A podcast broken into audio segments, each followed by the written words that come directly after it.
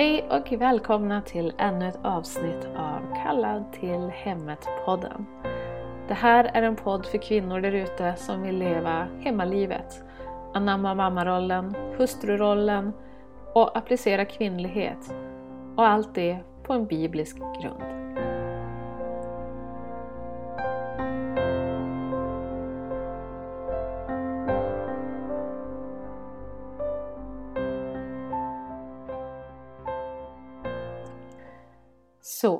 I dagens avsnitt så ska jag prata lite grann om vilka röster vi ska följa.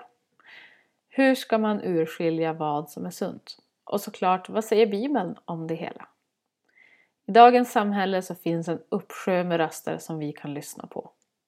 Det finns massor av experter och professorer och forskare som alla har det mest genomtänkta svaret på alla dina frågor och funderingar. Det finns en uppsjö av pastorer och teologer därute som kommer med starka och trovärdiga röster. Det finns en del starka röster som inte är i eliten men som nu och då också kan bli uppskattade. Ja, utan tvekan så finns det ett enormt brus av många olika röster, olika åsikter, utläggningar och allt man kan tänka sig. Men hur ska vi då kunna göra någon typ av urskiljning i allt det här? Var ska man egentligen börja? Och vad borde man egentligen lägga tid och energi på? I all social media idag, i tv-program, i radio, i musiken, i bokhandeln och så vidare så finns det ett tydligt budskap. Och framförallt till alla våra ungdomar. Och budskapet som genomsyras över hela världen är just idoldyrkan av olika slag. Samhället vill att vi upphöjer och ärar människor. Att vi förlitar oss på högt uppsatta människor, professorer, experter eller sångare till exempel. Och ja, alla kategorier du kan tänka dig. Hur många ungdomar har till exempel inte en artist som de nästan dyrkar, som de följer vartenda steg, kopierar klädstil eller beteende, kanske tar efter deras moral och till slut även deras personliga åsikter. Fast den man kanske egentligen inte håller med så gör man det bara för att det är deras idol. Eller tänk alla dessa youtubers som blir upphöjda som idoler och förebilder trots att de kanske inte alltid har någonting unikt att utmärka sig för eller visheter eller klokheter att dela med sig av. Men lika fullt så blir de en idol. Och hur ska vi egentligen tänka kring det här? Ja men det är klart, när man träffar till exempel en läkare som har gjort en undersökning och kommer med en diagnos eller ett uttalande ja då utgår, utgår man ju ändå från att den här doktorn har rätt och riktigt i det som han säger. Man sätter tilltro i hans diagnos eh, och att den är rätt och att vi får rätt behandling som passar vår problematik eller vår åtkomma. Är det här fel? Nej, det är klart att det inte är. Det finns såklart auktoriteter som vi självklart ska rätta oss efter, men vi kan inte heller låta det gå, gå emot Guds ord och vad Gud har sagt eller lovat oss genom Bibeln, eller oss personligen. Om till exempel en doktor har gett oss en diagnos så kan vi välja att stänga in oss i denna lilla diagnosbox eller så kan vi gå till Bibeln och leva i det hopp att vi kan bli helade från vår sjukdom eller åtkomma eller vad än för typ av diagnos vi har fått oavsett om den är fysisk eller mental. Och vi kan såklart ändå ta hjälp av vården men det betyder inte heller att vårt tillstånd kanske är bestående eller obotligt. Och här vill jag faktiskt ta ett exempel som vi har fått, sett på, eller fått se på nära håll. För vi fick nämligen för en tid sedan eh, beskedet att min eh, svärmor hade cancer. Hon upptäckte det via en metastas som hade dykt upp på hennes hals så hon uppsökte vård. Och det visade sig vara cancer i magen. Och domen var hård. Det var i stadie 4, det vill säga det mest gångna stadiet med spridning i kroppen. Läkaren sa till henne, vi kommer inte att kunna bota dig. Hon blev satt på palliativ vård, vilket innebär att man får vård för att förlänga livet eller för att få må, få må så bra som möjligt under tiden när du har din sjukdom. Och när man letar upp information om cancer i magen, stadie 4, så får man också fram att om det inte går att operera, operera bort cancern så går det inte att bli av med den. Så det var den dom som min svärmor fick. Livsomvändande och skrämmande men ändå inte helt hopplöst. Och hur kommer då det sig? Ja, min svärmor och svärfar bestämde sig för att träffa några äldste som de har kontakt med för att be för henne och se om Gud kanske hade en annan plan. Med sig hem fick de bibelordet. Om ni förblir i mig och mina ord förblir i er så ska ni be om vad ni vill och ni ska få det. Och redan där och då så förstod min svärfar att han skulle få behålla sin fru. Trots att läkarna hade gett en dödsdom. Men om Gud har sagt det så kan man verkligen leva på hoppet, eh, på det hoppet och ha den tron. Så min svärmor påbörjade behandling för cancer. Men med nytt hopp, även om det kanske såg mörkt ut för mänskliga ögon. Och jag vill också betona här att självklart så är det okej okay att ta behandling fastän man är troende och fastän man har fått ett löfte om liv. Oavsett om helandet sker genom läkare eller faktiskt genom ett mirakel. Äran tillhör Gud i vilket fall ändå. Men tillbaka till min svärmors resa. Hon genomgick en lång behandling med cytostatika och i perioder så mådde hon väldigt dåligt. Men i perioder så mådde hon också bra.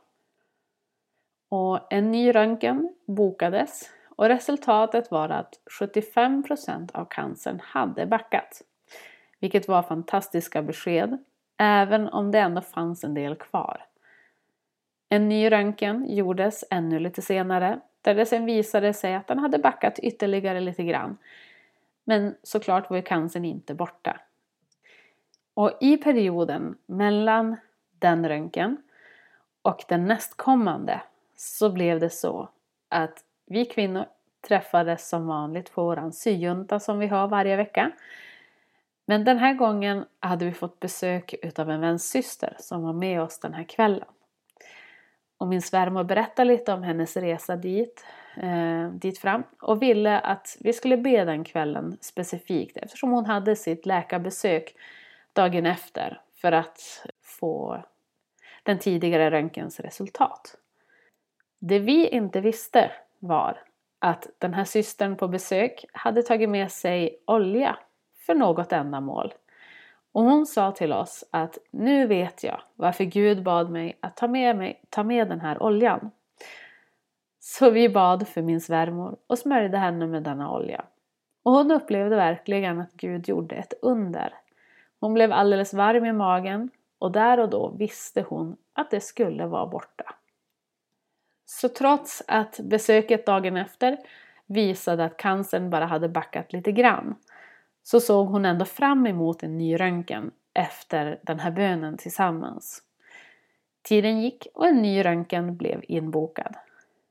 Men med spänning och förväntan väntade vi alla på resultatet. Och efter läkarbesöket så fick vi glädjebeskedet att det inte fanns några som helst spår av cancer i min svärmors kropp. Förstår ni? Inte ens spår utav den. Och till saken hör också att hon gick cirka sex månader helt utan behandling innan den sista röntgen. Så även om cellgifterna gjorde sitt, det tog ju ändå bort delvis av cancern. Men så tog faktiskt Gud vid och färdigställde det hela. Min svärmor fick alltså beskedet att hon var obotlig. att cancern skulle ta hennes liv. Men de senaste sex månadernas läkarbesök som hon har varit på så har hon varje gång fått höra att det finns inga tecken på cancer i hennes kropp. Det är taget prover i hennes mage och det finns ingenting. Prisa Gud för detta fantastiska mirakel, eller hur? Men det här är också ett sånt oerhört starkt exempel på att det finns alltid ett hopp bortom det vi kan se med våra mänskliga ögon. Saker kan se så hopplösa ut och vi kan slås ner av auktoriteters ord gentemot oss. Men vi måste se till att i alla lägen lyssna på rätt röst. Vad säger Gud om min situation? Och var står det i hans ord gällande det jag står i? Och om det inte finns något specifikt exempel så kan ändå Gud ge tröstande eller vägledande ord genom andra sammanhang som vi kan förstå för att han ger oss den förståelsen när vi behöver den. Så, lika viktigt det är för oss att lyssna på vad Gud har att säga, lika viktigt är det för oss att verkligen sätta Guds ord i första hand. Ibland kan vi ibland kanske höra vad Gud har att säga, men vi börjar tvivla eller kanske hör någon annan som säger något annat och vi glömmer bort de löften eller den uppmuntran som Gud faktiskt har gett oss. Eller ett annat lite mer vardagligt exempel för oss som är föräldrar. Om vi till exempel lyssnar på forskare och pedagoger som säger att vi föräldrar inte räcker till när det kommer till barns utveckling eller inlärning. Att förskolan och skolan absolut är ett måste. Vi kan välja att lyssna på dem och leva vårt liv i tro att vi kanske inte är pedagogiska nog eller att vi inte kan tillgodose våra barns behov. Men är det hela sanningen? Om vi föräldrar inte är gjorda för att klara av att ta hand om våra egna barn, då skulle det ju finnas tydliga exempel på det i Bibeln, eller hur? Då skulle kanske Gud förmana oss till att låta andra ta hand om våra barn men vi kan ju också läsa, som jag har nämnt förut, att vi ska lära den unge den väg han bör vandra så att han inte viker av från den när han blir gammal. Och det betyder ju att vi bör lära våra barn efter denna princip. Om vi vill att våra barn ska hålla fast vid eller ha en tro så behöver vi ägna en stor del till att verkligen lära dem detta under särskilt deras tidiga år. Om vi har dem på förskolan så måste vi också räkna med att de inte får lära sig det där. Utan att vi måste ta vid med det arbetet när vi kommer hem från vårt arbete. För att verkligen väga upp den tid som vi kanske har förlorat under dagen. Det är klart att man kan ha sina barn på förskolan. Men frågan är vad vi väljer att prioritera. Om vi inte måste så är det bara en fråga om prioriteringar. Om man nu inte känner en sån oerhörd press förstås från samhället att man helt enkelt inte vågar gå en annan väg. För det finns sådana exempel också. Men för att ta ett vardagsexempel. När jag är hemma med barnen så kan man vid flertal tillfällen visa hur Gud ser på saker eller tillrättavisa och berätta hur man bör göra för att följa Bibeln istället att om barnen brusar upp och skriker på varandra helt oprovocerat så kan man alltid påminna om Andens frukter. Att ha tålamod och mildhet mot sina syskon. Även om de kanske faktiskt var jättejobbiga och inte lyssnade. Det innebär ju kanske att inte att vi sitter hela dagarna och läser Bibeln för att vara barn. Även om det såklart är bra att läsa tillsammans med barnen men allt i vår vardag kan vara vittnen och kan göra det möjligt att på ett naturligt sätt evangelisera för våra barn. Och någonstans så är det väl ändå där man ska börja, tänker jag. Och det blir en del av livet helt enkelt. Och om det är en del av livet så kan jag tänka mig att det ändå är lättare att hålla fast vid det under längre tid än om man bara till exempel ägnar en liten stund varje dag åt det. Men tillbaka till själva frågan som jag ställde från början. Vi behöver alltså med stor försiktighet välja vad och vilka vi lyssnar på, vilken röst som väger tyngst. Och det här gäller ju även bland kristna förstås. Jag vill gärna ta upp ett, en liknelse som min kloka man tog upp för ett par år sedan. I många typer av kristna inriktningar så finns det skrifter som går utanför Bibeln men som ändå denna tro, eh, eller dessa troende, applicerar i sin tro. Eh, något som ses lite som ett komplement till Bibeln. Ett exempel på detta är till exempel mormonerna som har Bibeln men de har också mormons bok som de bygger sin lära på. Eller till exempel sjundedagsadventisterna. De har Bibeln men väger också in Ellen G. Whites skrifter i sin lära.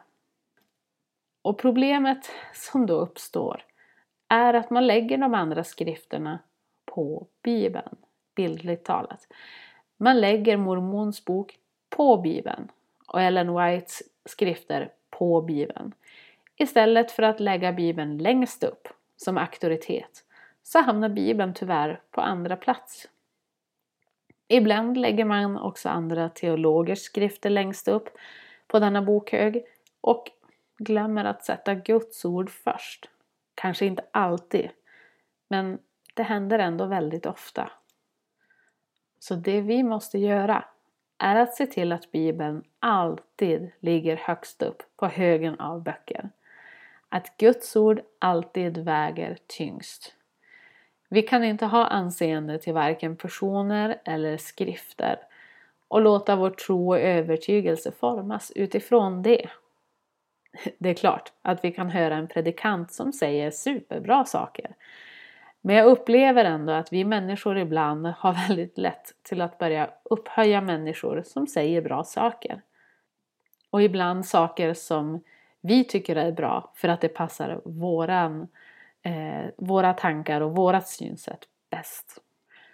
Och min teori kring det hela, jag kan ha fel, men är att det är så mycket lättare att, vad ska man säga, ta på när en fysisk människa står och säger saker än när vi läser Guds ord. Ibland kan det kanske kännas lite abstrakt eller avlägset. Men ja, jag vet inte. Det är bara några tankar. Jag kan ha fel som sagt. Men problemet i det här är i alla fall att det, det är så oerhört lätt att kanske inte alltid se om det faktiskt finns osanningar, felsägningar eller helt enkelt bara missförstånd när en person som man har 100% förtroende för talar. Ibland kanske man missar viktiga detaljer för att man redan har inställningen att allt som den här personen säger är rätt. För att han verkligen är en gudsman. Men alla människor, människor är ju just det. Människor. Och vi får aldrig börja höja människor till skyarna. Skaffa oss idoler. Även om det de säger faktiskt är bra. Vi borde istället, oavsett vem vi lyssnar på, göra så som Bibeln säger Pröva allt och behåll det goda. Undersök så att alla bibelord stämmer överens med det som personen citerar. För ibland så utväljs bibelöversättningar utifrån just översättningen. För att det ska passa bättre med det budskap som man vill predika. Men ibland kan man ju ha fått sammanhanget fel. Eller så är allting som predikanten säger i enlighet med Bibeln. Men det är ändå så oerhört viktigt att verkligen vara uppmärksam hela tiden och pröva allting, även om det låter bra. Och jag har själv mötts av personer som säger Ja men den här personen säger så här och utgår från att det är sanningen. Men när man då själv kollar upp det så hade personen kanske egna teorier utifrån Bibeln som till slut inte alls stämmer överens med Bibelns budskap för att man har blandat in så mycket annan litteratur, till exempel. Så man kan säga hur många bra saker som helst och få det att låta bra. Men man måste ändå alltid kolla Bibeln själv. Och samma sak gäller ju där. Du kan ha en predikant som säger jättebra saker. Men ta ändå för vana att alltid undersöka och fördjupa dig på egen hand efteråt. Om någonting inte riktigt stämmer, ja då kommer Guds ord att visa det och göra dig uppmärksammad på det. Och någonting som jag ändå tror att man får lägga ner tid på, det är att lära ungdomar idag att idoler är ingenting man bör sträva efter. Att inte hysteriskt följa efter varje steg som dessa människor tar. Att man kan ha någon typ av urskiljning redan som ung. Men jag förstår, det är inte helt enkelt när samhället verkligen hungrar efter idoler. Ni ser ju bara på alla program som massproduceras. Och, eh, men att man hela tiden måste upphöjas för att få den där wow-känslan. Tänk om ungdomar idag kunde få samma wow-känsla när det kommer till Gud. Ja, det finns mycket att säga kring det här området. Men jag vill också påminna om en sak.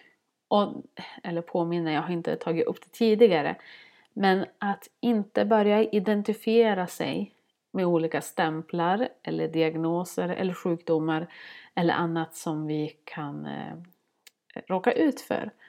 För vad det än är, vad det än är, så kan Gud förändra och förbättra och ta bort saker som inte ska vara där. Och tänk också på det här med att inte ha anseende till personer. Varken om de är högutbildade eller inte, fattiga eller rika, gamla som unga. Tyvärr är det ännu en sak som vårt samhälle har byggt upp föreställningen om.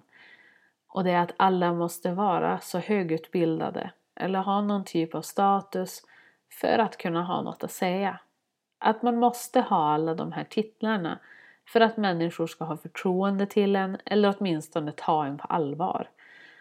Men vi ska kunna ha lika lätt att lyssna på en människa som kanske inte ens har gått gymnasiet som en som har studerat i hela sitt liv.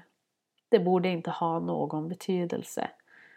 Visst, om man har studerat hela sitt liv så har man ju kanske samlat på sig en hel del kunskaper. Men den visheten som kommer från Gud, den behöver vi bara studera fram genom att läsa Bibeln. Så oavsett vem som säger saker, pröva allt och behåll det goda. Förlita er inte på fel röster utan lägg all tilltro till Gud. Ja, tack för att ni har lyssnat idag. Det blev ett kort avsnitt idag, men jag hoppas att det ändå fanns någonting ni kan ta med er de kommande två veckorna tills vi hörs igen. Och glöm verkligen inte den här bilden med var vi lägger våra böcker. Se till att Bibeln alltid ligger längst upp som den största auktoritet. Så vi inte börjar ta in andras åsikter eh, som får väga starkare än Gud själv. Och om ni vill komma i kontakt med mig så kan man mejla mig på eh, kalladtillhemmet gmail.com eller så kan man skicka iväg ett meddelande på min Instagram med samma namn, kallad till hemmet. Men eh, ni får ha det så bra, var välsignade, så hörs vi snart igen. Hejdå!